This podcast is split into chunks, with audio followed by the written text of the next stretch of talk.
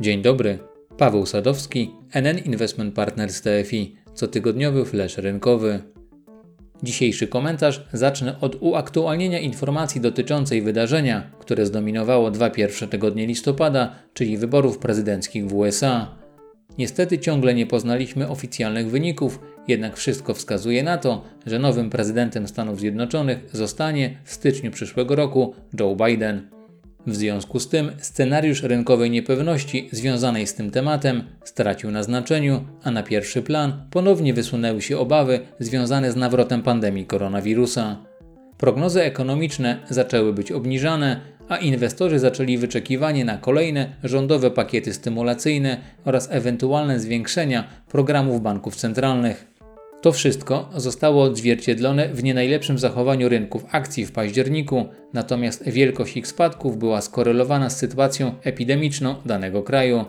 Na tym tle pozytywnie wyróżniały się rynki wschodzące, o tym za chwilę. Przyszedł teraz czas, aby zadać pytanie, jaki naszym zdaniem może mieć to wpływ na rynki finansowe. Nie ulega wątpliwości, że powrót COVID-19 uderzy ponownie w wyniki spółek. Z drugiej jednak strony oczekiwanie na szczepionkę, pakiety stymulacyjne i wsparcie banków centralnych oraz niskie stopy procentowe to wszystko pozwala myśleć z lekkim optymizmem o 2021 roku.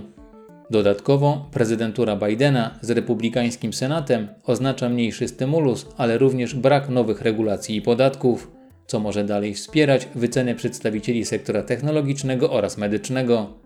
Jeżeli chodzi o krajowy rynek, to wyceny spółek poprawiły się przy ostatniej przecenie i mogą być postrzegane jako bardziej atrakcyjne dla inwestorów zagranicznych. Powracając do wspomnianego wcześniej relatywnie dobrego zachowania rynków wschodzących, to zacytuję teraz słowa Marcina Szortyki, dyrektora zespołu zarządzania instrumentami udziałowymi w NN Investment Partners TFI.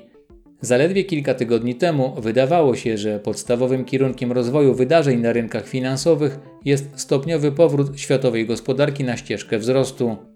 Niestety epidemia COVID-19 przyspiesza w tempie wykładniczym praktycznie we wszystkich krajach europejskich, a także w USA.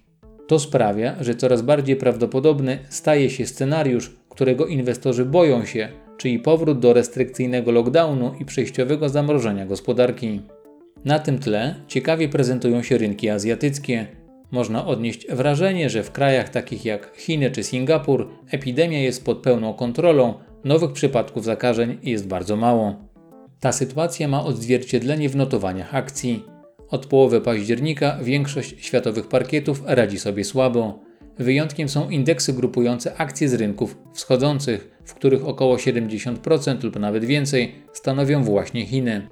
Niewykluczone więc, że przy okazji drugiego lockdownu zmaterializuje się scenariusz, który wydawał nam się prawdopodobny już przy okazji pierwszej fali epidemii, polegający na przepływie kapitału z rynków rozwiniętych do Azji. Ostatecznie wiosną wydarzenia przyjęły inny obrót i to amerykańskie spółki technologiczne ponownie cieszyły się największym zainteresowaniem inwestorów. Jednak dziś przewaga Azji nad Zachodem w wymiarze walki z koronawirusem wydaje się miażdżąca. Przy okazji warto zwrócić uwagę na to, jak inwestorzy reagowali na październikowe publikacje wyników finansowych amerykańskich spółek za trzeci kwartał. Wyniki lepsze niż oczekiwano nie znajdowały wyraźnego odzwierciedlenia w kursach akcji, natomiast wyniki słabsze od prognoz pogrążały notowania. To może sugerować, że wyjście ze spowolnienia wywołanego pierwszym lockdownem zostało już przez inwestorów rozegrane i teraz większą wagę przywiązują oni do negatywnych informacji. Odstępstwem od tej hipotezy była zeszłotygodniowa euforyczna reakcja rynków na informacje o możliwości szybkiego wprowadzenia do obiegu szczepionki na koronawirusa. Nie zmienia to jednak faktu, że ta wspomniana rynkowa koncepcja skłoniła nas w ostatnim czasie do zastanowienia się nad rewizją dotychczasowego nastawienia do akcji lub, tam gdzie to możliwe, skoncentrowaniem uwagi na rynkach wschodzących oraz aktywach zarządzanych zgodnie z zasadami ESG o których wielokrotnie wspominałem w poprzednich podcastach. To tyle na dzisiaj i do usłyszenia.